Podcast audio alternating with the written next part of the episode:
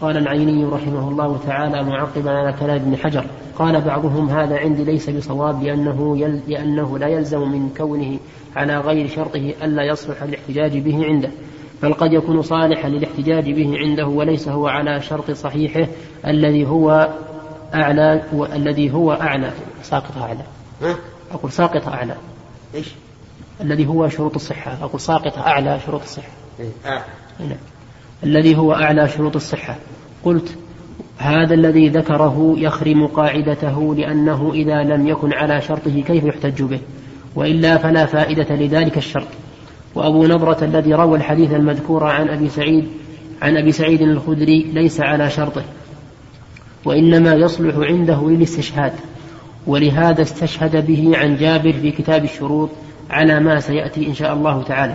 وأبو نضرة بن وأبو نضرة بالنون بالنون المفتوحة وسكون الضاد المعجمة وفتح الراء واسمه المنذر بن مالك العوفي البصري بس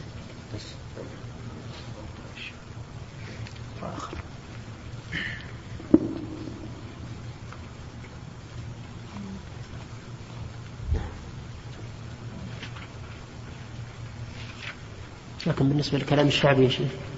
أقول يعني الرد على الشعبي في هذا في إيش؟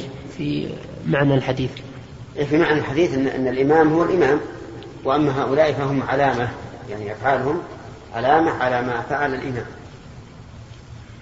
ولا شك أن قوله ضعيف بأنك إذا جئت والإمام قد رفع من الركوع لكن الصف الذي تليه أنت لم يرفع رأسه من الركوع أنك أدركت الركعة هذا ضعيف جدا.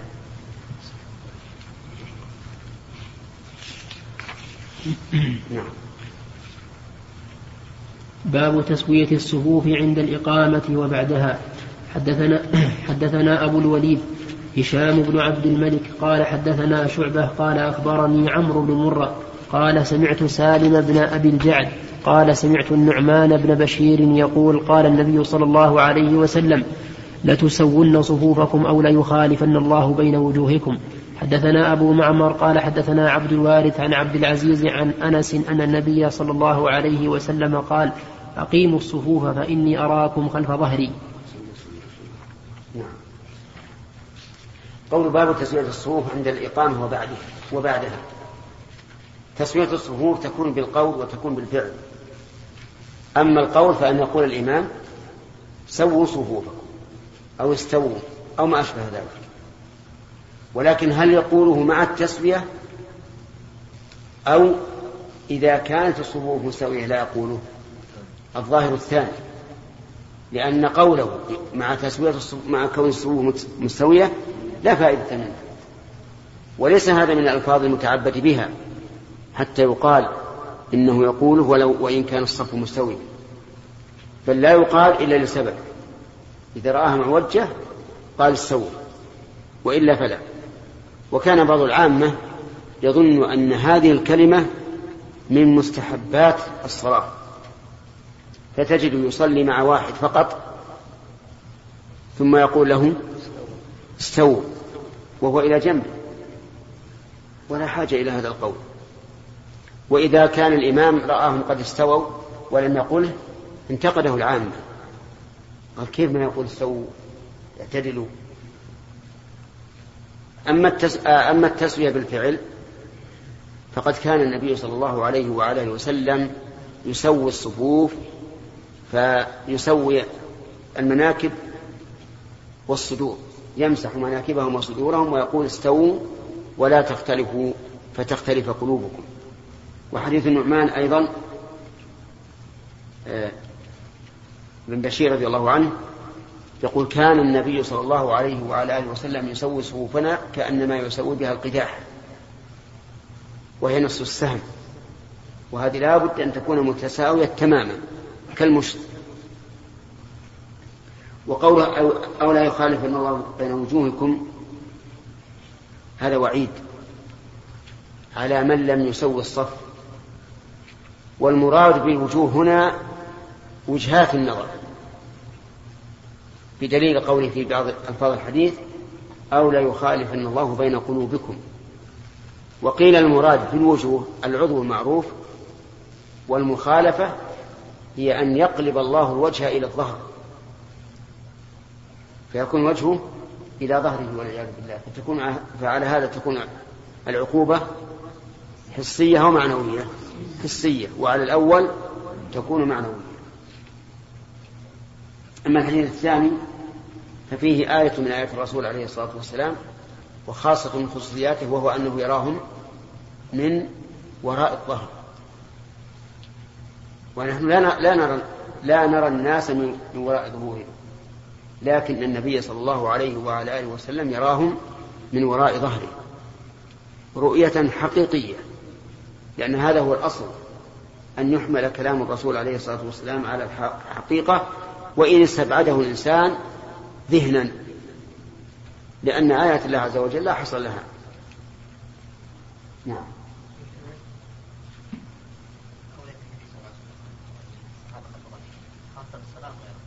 لا في الصلاة فقط.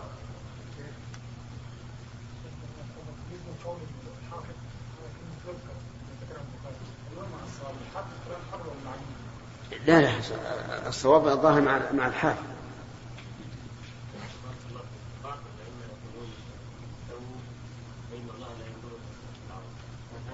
هذا ليس بصحيح. إن الله لا ينظر إلى الصف الأعوج هذا حديث حديث لا لا أصل له ولم يصح عن النبي صلى الله عليه وسلم. ثلاثة ثلاثة طيب.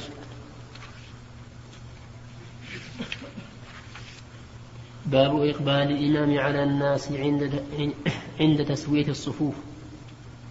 حدثنا أحمد بن أبي رجاء قال حدثنا معاوية بن عمرو قال حدثنا زائدة بن قدامة قال حدثنا حمي حميد الطويل قال حدثنا أنس قال أقيمت الصلاة فأقبل علينا رسول الله صلى الله عليه وسلم بوجهه فقال أقيموا صفوفكم وتراصوا فإني أراكم من وراء ظهري.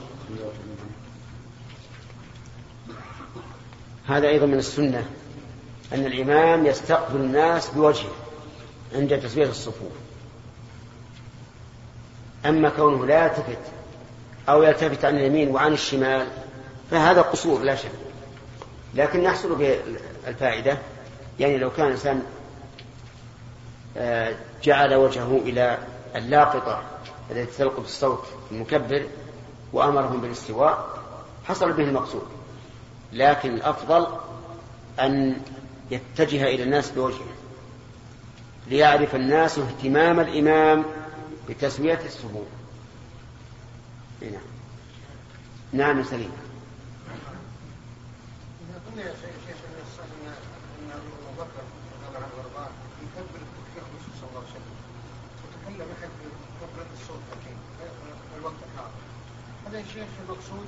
المقصود هل واحد. من صوت أبو بكر ومن صوت المقصود واحد. تبليغ الصوت من أبو بكر للصحابة تبليغ الصوت من من كبر الصوت يعني لو قال قائل إن هذا المكبر الصوت له أصل لكان مصيبا أن له أصلا. ويدل على ذلك اختيار النبي عليه الصلاة والسلام للأذان بلالا رضي الله عنه لأنه كان أندى صوتا من عبد الله بن زيد الذي رأى رأى آه الأذان. وكذلك في غزوة حنين أمر العباس أن ينادي لأنه كان جهوري الصوت. وكذلك أيضا قصة أبي بكر فإن أبا بكر يكون وسيلة لإبلاغ تكبير الرسول عليه الصلاة والسلام. نعم. بعضهم يضيفون صلوا صلاة الموجعين. أي هذا من البدع. يعني بعض الناس يقول إذا قال استووا اعتدلوا. قال وصلوا صلاة مودع. من قال هذا؟ أنت أعظم موعظة من الرسول عليه الصلاة والسلام؟ نعم. هذا من من من التنطع. وبعض الناس يقول استووا أقيموا صفوفكم غلقوا بياجركم. لأنها كثرت البياجر في بعض المساجد وصارت تشغل المأمومين. آه المصلين. فكان يلحق هذه الكلمة بالأمر بالاستواء. فهذه إذا كان لسبب طارئ وتزال لا بأس. لكن أخشى إن طالب الناس زمان أن أن يظنها الصغار من السنن. فيقول مثلا سكتوا بأجركم وإن لم يكن معهم بيجر واحد. فالأحسن مثل هذه الأمور أن يتحرى الإنسان فيها السنة؟ لا يزيد ولا ينقص. ألفاظ التسمية هل هي توقيفية أو كيف؟ ألفاظ التسمية توقيفية أو هو على كل حال هي توقيف غير توقيفية؟ المقصود المعنى لكن المحافظة على ما جاء به النص أولى. ثلاثة. نعم. باب الصف الأول. حدثنا أبو عاصم حدثنا أبو عاصم عن مالك عن سمي عن سمي عن أبي صالح عن أبي هريرة قال قال النبي صلى الله عليه وسلم الشهداء الغرق والمطعون والمبطون والهدم. والهدم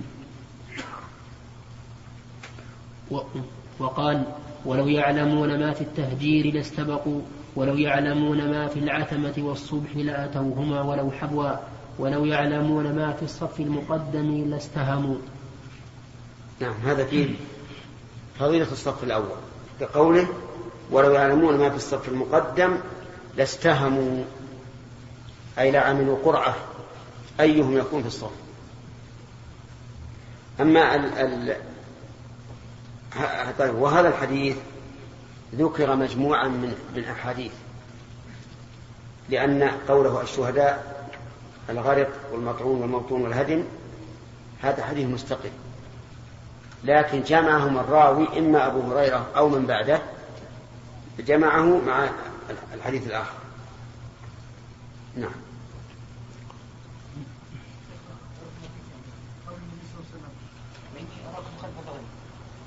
ليس فيه معارضة لحديث أبي بكر رضي الله عنه حين دخل وهو وركع دون الصف ثم سأل قال من فعل هذا؟ في بكرة. ليس فيه معارضة كيف الجمع؟ الرسول كان راكعا نعم.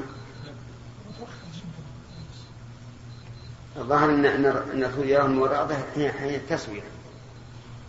ما هو في في كل الصلاة. قبل الشروع يعني. نعم. قبل التكبير. يعني يراهم قبل التكبير في الصلاة. ما هو الظاهر. حتى إذا كبر. ما دام في التسوية؟ يعني بعد تكبيرة الإحرام يراهم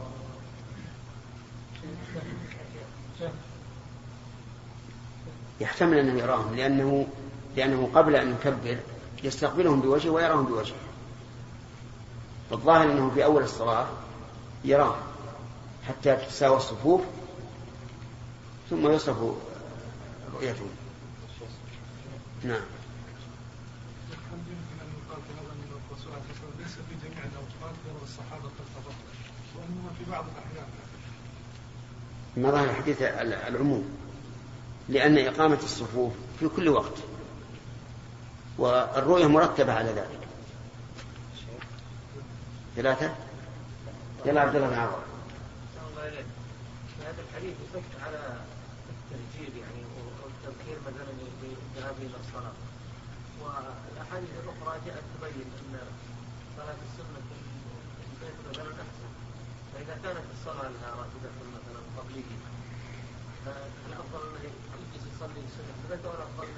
لا الأفضل أن يكون في بيت كل السنة.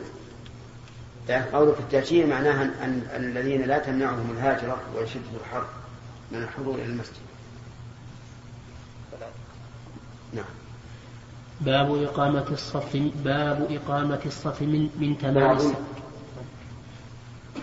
باب إقامة الصف من تمام الصلاة. حدثنا حدثنا عبد الله بن محمد قال حدثنا عبد الرزاق قال أخبرنا معمر عن همام عن أبي هريرة عن, عن أبي هريرة عن النبي صلى الله عليه وسلم أنه قال إنما جعل الإمام ليؤتم به فلا تختلفوا عليه فإذا ركع فاركعوا وإذا قال سمع الله لمن حمده فقولوا ربنا لك الحمد وإذا وإذا سجد فاسجدوا وإذا صلى وإذا صلى جالسا فصلوا جلوسا أجمعون. وأقيموا الصف في الصلاة فإن إقامة الصف من حسن الصلاة.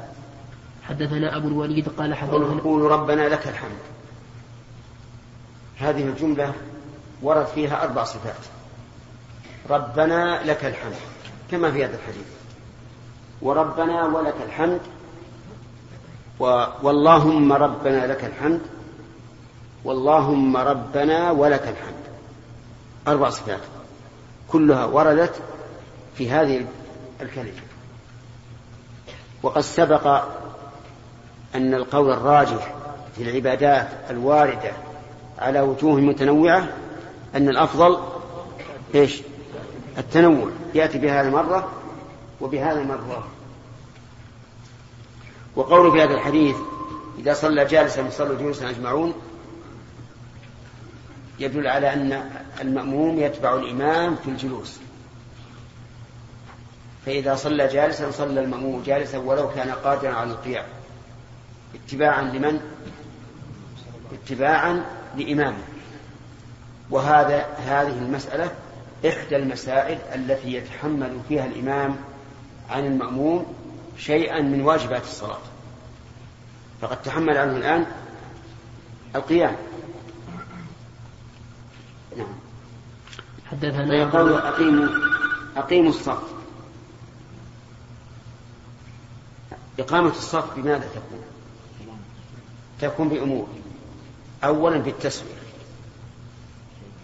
وثانيا بالتراص. وثالثا بالتقارب بين الصفوف.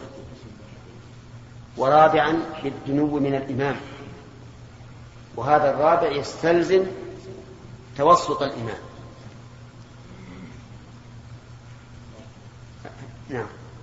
هذه أربعة أنواع داخلة في قوله أقيموا الصف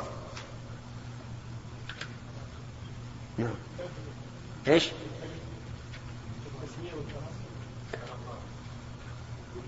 التسوية والتراص وتقارب الصفوف. والرابع الدنو من الإمام كان الإمام يحافظ على قنوت قنوت الفجر فهل يشرع لمن الابتداء به لو كان المؤمن يخالف أن ال- الإمام أحمد رحمه الله قال إذا تم بالقانت فإنه يتابعه ويؤمن على دعائه مع أنه لا يرى استحباب القنوت في صلاة الفجر. عند المبلغين إذا بلغوا رفع الإمام من الركوع يقولون ربنا ولك الحمد. ألا يقتضي لفظ التبليغ أن يقولوا سمع الله لمن حمده؟ لا. المقصود بالتبليغ أن أن أن يبلغ الناس أن الإمام رفع. والمأموم يشرع له أن يقول ربنا لك الحمد. ثلاثة. ثلاثة؟ والوقت انتهى. تمام. واحد. إي نعم انتهى. انتهى. ثلاثة يا شيخ. الوقت اثنين؟ طيب. ثلاثة يا شيخ خلاص. هل يتراصي من هو عن يمينه أو من هو أقرب؟ من هو أقرب الإمام أربع ساعات كده. مصبح وهذا وهذا وهذا أربع ساعات؟ بسم بالله بسم الله الرحمن الرحيم. الحمد لله رب العالمين. وصلى الله وسلم وبارك على عبده ورسوله نبينا محمد وعلى آله وصحبه أجمعين. قال الإمام البخاري رحمه الله تعالى في صحيحه في كتاب الجماعة والإمامة في باب إقامة الصف من تمام الصلاة.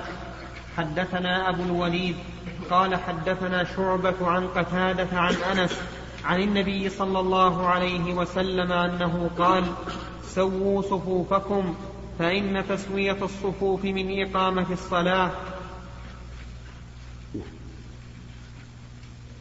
هذا والأحاديث التي قبله تدل على فضيلة إقامة الصفوف. وعلى جواز الرواية بالمعنى.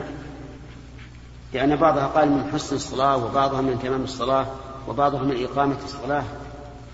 وهذا يدل على أن من عادة الرواة أن يروا الحديث بالمعنى وهو كذلك. هذا هو الغالب. وقد يأتي باللفظ. وغالب ما يأتي باللفظ أن ترى فيه إذا إذا حصل شك في لفظة يقول كذا أو كذا. مما يدل على على عناية الراوي بلفظ الحديث. وكذلك فيما يتعلق بالأذكار فإن المحدثين يتحاشون أن يأتوا بالمعنى بل يروون الحديث باللفظ. وفي قوله سووا صفوفكم دليل على وجوب تسوية الصف لأنه أمر معلل بأنه من إقامة الصلاة. بل في حديث النعمان بن بشير رضي الله عنه أن النبي صلى الله عليه وسلم توعد من لم من لم يسوي الصفوف. فقال لتسون صفوفكم أو ليخالفن الله بين وجوهكم. وهذا هو الصواب. ولكن هل إذا لم يسووا الصف هل تبطل الصلاة؟ أو نقول إن تسوية الصف واجب للجماعة وليس واجبا في الصلاة. الجواب الثاني. وأما ما يروى أو ما يروي بعض الناس أن أن أن النبي صلى الله عليه وعلى آله وسلم قال إن الله لا ينظر إلى الصف الأعوج فهذا لا أصل له. ولم يرد عن النبي صلى الله عليه وسلم. نعم. باب إثم من لم يتم الصفوف. حدثنا معاذ بن أسد قال أخبرني الفضل بن موسى قال أخبرنا سعيد بن عبيد الطائي عن بشير بن يسار الأنصاري عن أنس بن مالك أنه قدم المدينة فقيل له ما أنكرت منا منذ يوم عهدت رسول الله صلى الله عليه وسلم. قال ما أنكرت شيئا إلا أنكم لا تقيمون الصفوف. وقال عقبة بن عبيد عن بشير بن يسار قدم علينا أنس بن مالك المدينة بهذا. البخاري رحمه الله جزم بأن من لم يتم الصفوف فإنه آثم. فقال باب إثم من لم يتم الصفوف.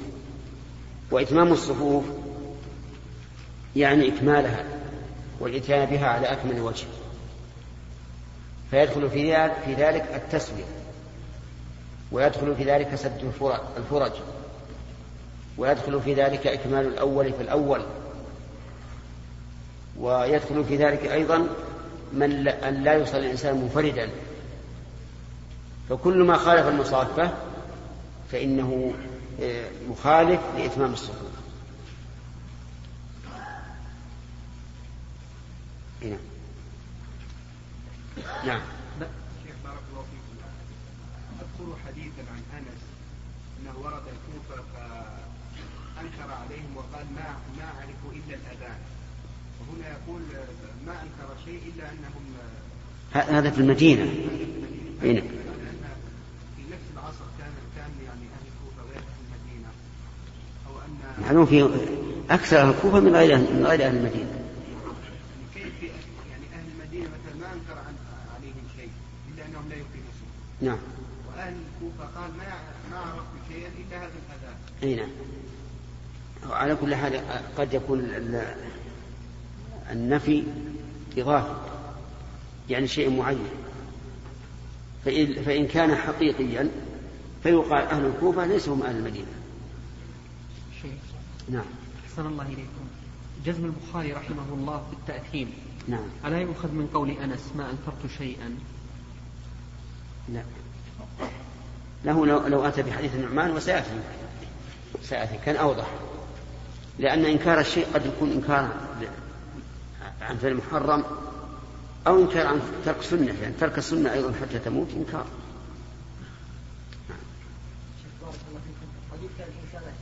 نعم.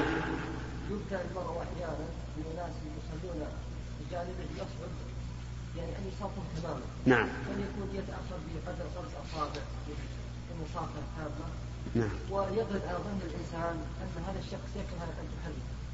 فالإنسان يعني ولو حصل ما حصل. لا يحرك يعني إذا إذا ابتعد عنه يجذبه نعم؟ وركه وإذا رأى منه تكرها فإذا سلم يقول هذا من تمام الصلاة. تمام صلاتي وصلاتك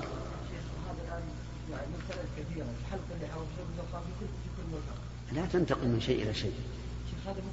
الكلام الآن على مسألة المصافة المصافة هذا الذي يخل بالمصافة. ضرره عليك وعليه. لأن تسوية الصفوف من تمام الصلاة للجميع. لكن شارب الدخان حالق اللحية مسبل الثوب هذا ضرره على على نفسه. نعم. إيش؟ كل ركعة وتأخر وهذا كثير إذا خفت أن تبطل صلاتك بكثرة الحركة فدع. أما ما دام الأمر يمكن أن تكون حركة يسيرة. أحسن تقيم الصف. نعم.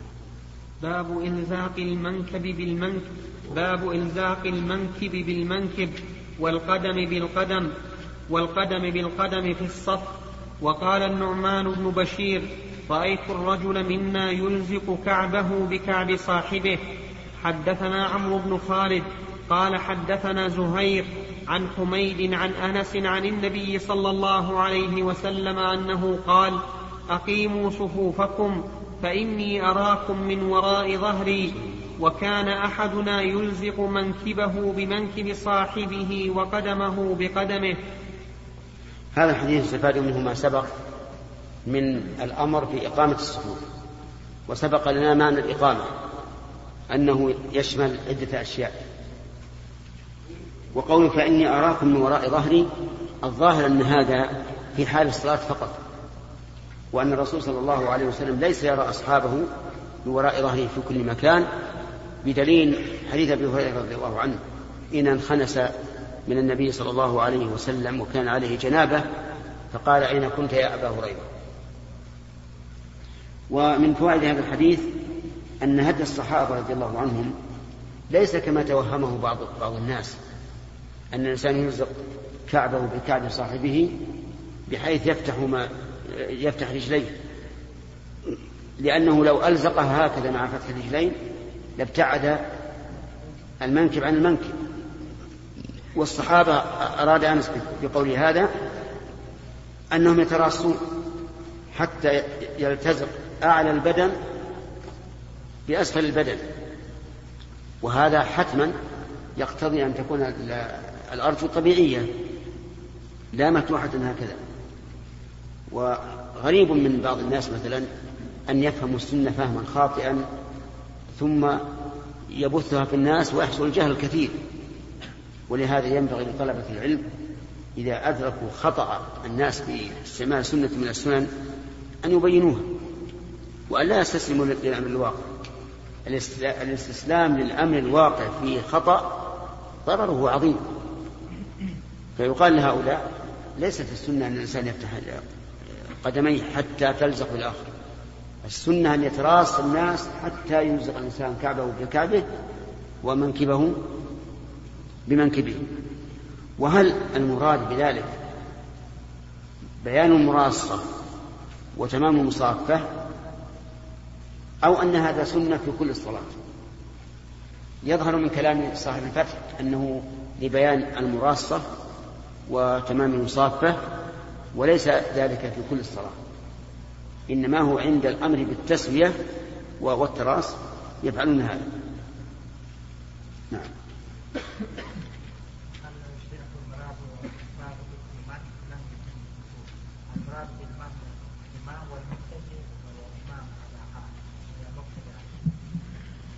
كل من قدر على إتمام الصف ولم يفعل فهو آثم. أي واحد أي واحد. ومن عدم الإتمام أيضا ربما يدخل في كلام البخاري أن تصف في الصف الثاني والأول لم يكن. حتى ولو كان معك أحد.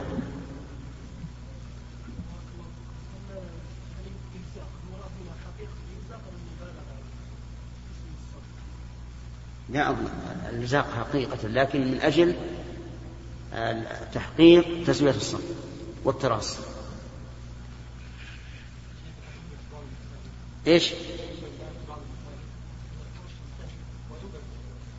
إيه؟ مكان هذه مشكلة الواقع يقول بعض المساجد تكون الفرش قصيرة بحيث يكون أطراف الصف ما فيها فراش فمثل هذا ينبغي للقائمين على المسجد أن يحاول إتمام الفرش نعم إذا لم يحصل فإن كان الإنسان يتأثر بالصلاة في هذا المكان الفارغ وأنه يزول منه الخشوع بصلابة الأرض أو لوجود التراب مثلا فلا بأس أن يصف الصف الثاني. وإن كان لا يتأثر فليصف وهو على أجر. ثلاثة؟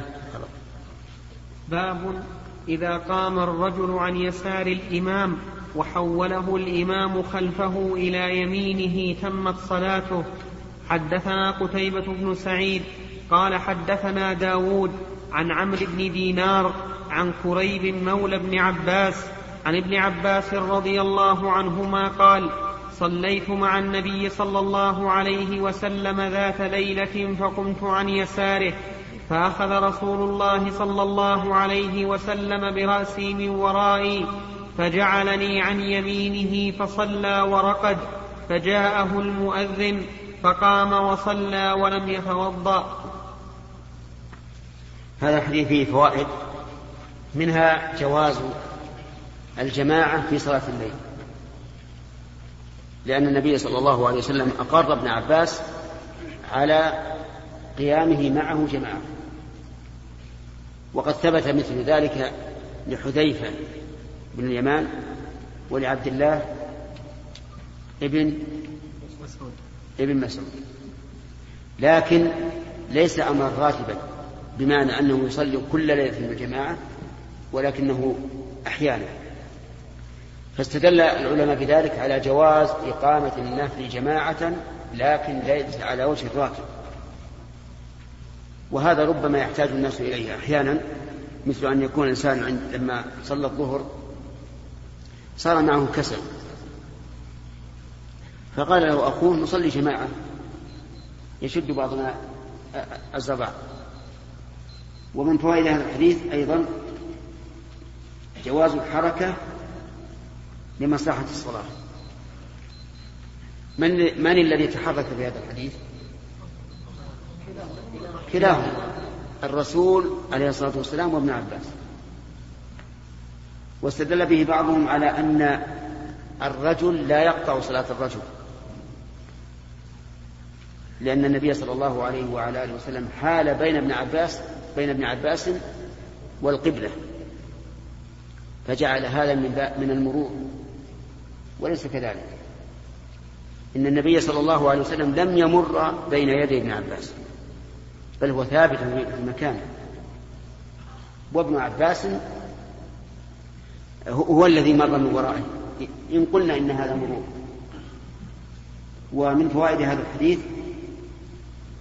أنه لا قيام للرجل الواحد عن يسار الإمام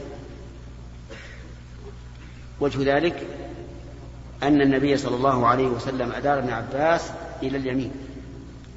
ولكن لو بقي يصلي عن يساره فهل تصح صلاته؟ كلام البخاري يدل على أنه أنها لا تصح. لقوله فقد تمت صلاته تمت صلاته فظاهره أنه لو بقي, لو بقي لم تتم. وهذا هو المشهور من مذهب الإمام أحمد رحمه الله. عند أصحابه. قالوا لو بقي عن يساره لم تصح صلاته. واختار شيخنا عبد الرحمن بن سعد رحمه الله أنه لا أنه لو بقي عن يساره فصلاته صحيحة. وأن كونه عن يمينه مع خلو يساره على وجه الاستحباب. وعلل ذلك بعلة صحيحة. وهي أن الذي حصل من النبي صلى الله عليه وسلم مجرد فعل. ومجرد الفعل لا يدل على الوجوب وإنما يدل على الاستحباب. ولهذا لم يقل له الرسول عليه الصلاة والسلام حين فرغ لا تعد كما قال لمن؟ لأبي بكر. فدل ذلك على أنه على سبيل الاستحباب. ولكن بعض العلماء نازع وقال إن الحركة الأصل فيها الحركة في الصلاة الأصل فيها الكراهة. فكون الرسول يتحرك ويدير ابن عباس يدل على أن هذا عمل لا بد منه. ولكن يقال الحركة المكروهة ترتفع كراهتها عند الحاجة. وهذا حاجة أن يدار الإنسان إلى الموقف الأفضل. فالذي يظهر لي أن أنه لو صلى عن يساره مع خلو يمينه فصلاته صحيحة لكنها خلاف السنة.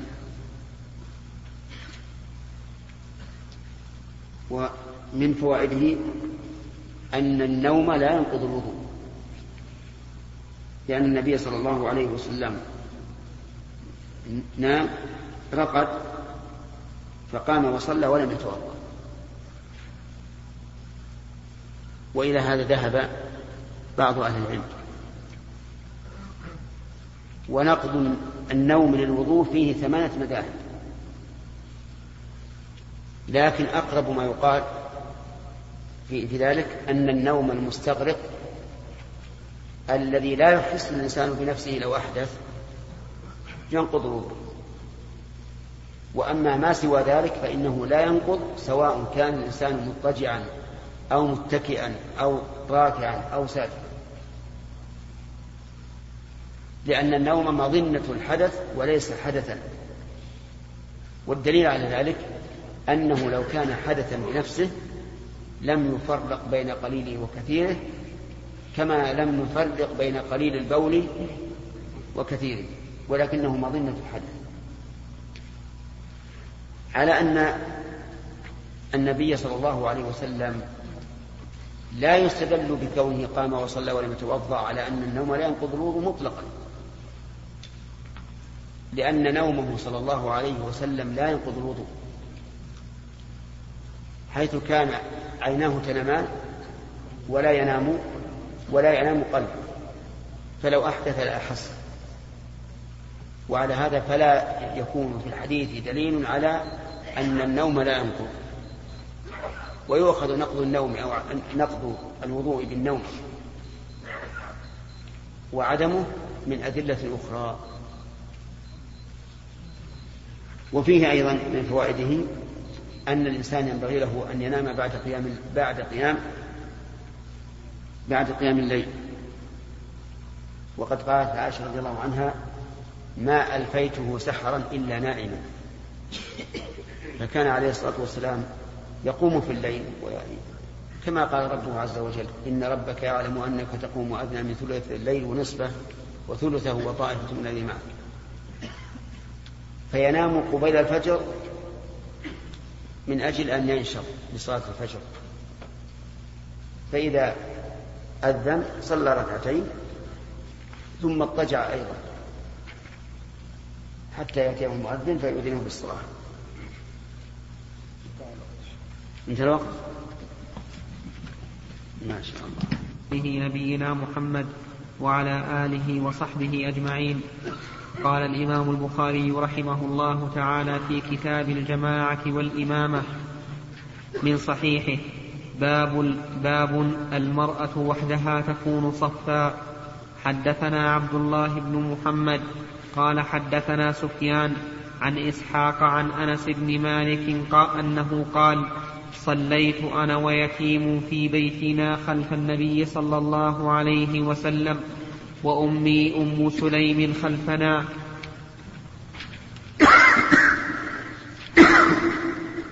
قال البخاري رحمه الله تعالى باب المرأة وحدها تكون صفا. المرأة وحدها يعني إذا لم يكن معها أنثى أخرى تكون صفا يعني ولا تحتاج إلى الدخول في صفوف الرجال. ثم ذكر حديث أنس بن مالك قال صليت أنا ويتيم في بيتنا خلف النبي صلى الله عليه وسلم وأمي أم سليم خلفنا. ففي هذا الحديث فوائد أولا حسن خلق الرسول عليه الصلاة والسلام حيث يذهب إلى أصحابه ويصلي في بيوتهم وهذا لا شك أنه مما يقوي الإلفة بينه وبين أمته صلوات الله وسلامه عليه أن يأتيهم في بيوتهم ويصلي بهم. ومنها جواز النافلة جماعة أحيانا لا دائما. ومنها جواز مصافة الصبي الذي لم يبلغ ويؤخذ عبد الله بن عوض. صففت أنا واليتيم. وجه الأخ أن اليتيم هو الذي لم يبلغ وقد مات أبوه. وهذا في النافلة كما ترون. لكن هل يكون ذلك في الفريضة اختلف العلماء فيها فمنهم من قال إن مصافة الصبي تصح في الفريضة كما صحت في النافلة بناء على قاعدة معروفة عند السلف وهو أن ما ثبت في الفريضة ثبت في النافلة وما ثبت في النافلة ثبت في الفريضة إلا بدليل. ويدل لهذا الأصل أن الصحابة الذين حكوا أن الرسول صلى الله عليه وسلم كان يصلي على راحلته قالوا غير أنه لا يصلي عليها المكتوبة. لماذا؟ لئلا يقيس أحد المكتوبة على على الناس. فدل ذلك على أن الأصل هو قياس الفريضة على النافلة وهذا هو الصحيح. ويستفاد منه أيضا أن المرأة يصح انفرادها خلف الصف. لأن أم سليم كانت خلفه وأقرها النبي صلى الله عليه وعلى آله وسلم. ويستفاد منه أنه لا مكان للمرأة مع الرجال. وأنه لا اختلاط بين الرجال والنساء حتى في العبادات حتى في ذوات المحارم. كل هذا إبعادا للفتنة والشر. ولهذا قال النبي صلى الله عليه وعلى آله وسلم خير صفوف الرجال آخر أولها وشرها آخرها وخير صفوف النساء آخرها وشرها أولها. وهذه الخيرية إنما كانت لبعد آخر النساء عن عن الرجال. فإن قال قائل لو صفت مع الرجال هل تصح صلاتها؟ فالجواب إذا كان إذا كان لضرورة صحت كما يقع ذلك أحيانا في المسجدين المسجد الحرام والمسجد النبوي. هذا ضرورة ولا بأس. ولكن إن رأى الإنسان من نفسه فتنة وجب عليه أن ينصرف عن هذا المكان. يعني مثلا لو أنه اضطر إلى أن يقف إلى جنب امرأة لكنه أحس بحركة شهوة مثلا يجب عليه أن ينصرف. يجب عليه أن ينصرف ويصلي في مكان آخر. لأنه إذا كان النبي صلى الله عليه وسلم قال لا صلاة بحضرة الطعام لأنه يشغل لأن ذلك يشغل قلب المصلي فهذا من باب أولى لأن هذا فيه إشغال وفتنة. وربما لا يفتتن هو وحده بل تفتن المرأة أيضا. طيب. فإن قال قائل إذا كان إذا كان مع المرأة أخرى فهل يجوز أن تصلي وحدها؟ نقول لا. لا لا, لا يصح. لأن المرأة مع المرأة تكون صفا. وقد قال النبي صلى الله عليه وسلم لا صلاة لمنفرد خلف الصف. وإلى هذا تشير ترجمة البخاري رحمه الله. باب المرأة وحدها تكون صفا. أما إذا كان معها نساء فلا بد من أن يصففن كما يصف الرجال. ولا تصح صلاة منفردة وحدها خلف الصف إلا إذا كان الصف تاما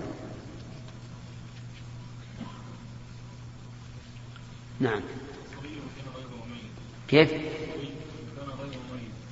من صحت صلاته من الصبيان صحت إمامته لا صحت مصافته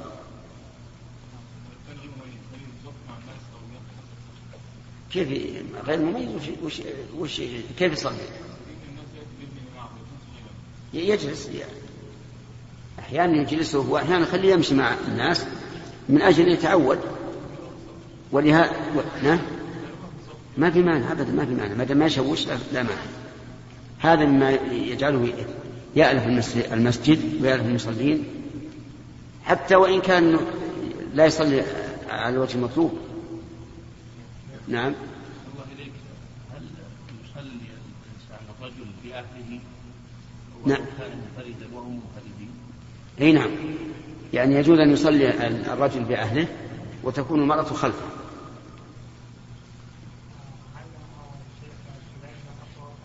إيش؟ أي نعم. نعم.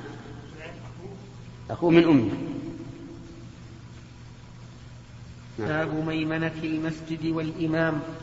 حدثنا موسى قال حدثنا ثابت بن يزيد قال حدثنا عاصم عن الشعبي عن ابن عباس رضي الله عنهما قال قمت ليلة أصلي عن يسار النبي صلى الله عليه وسلم فأخذ بيدي أو بعضدي حتى أقامني عن يمينه وقال بيده من ورائي. هذا مر عليه. لكن باب ميمنة المسجد لم يذكر لها دليلا وكأن الدليل الوارد على غير شرطه. ونقرأ فتح. قوله باب ميمنة المسجد والإمام أورد فيه حديث ابن عباس مختصرا. من فضلك اقلب الشريط.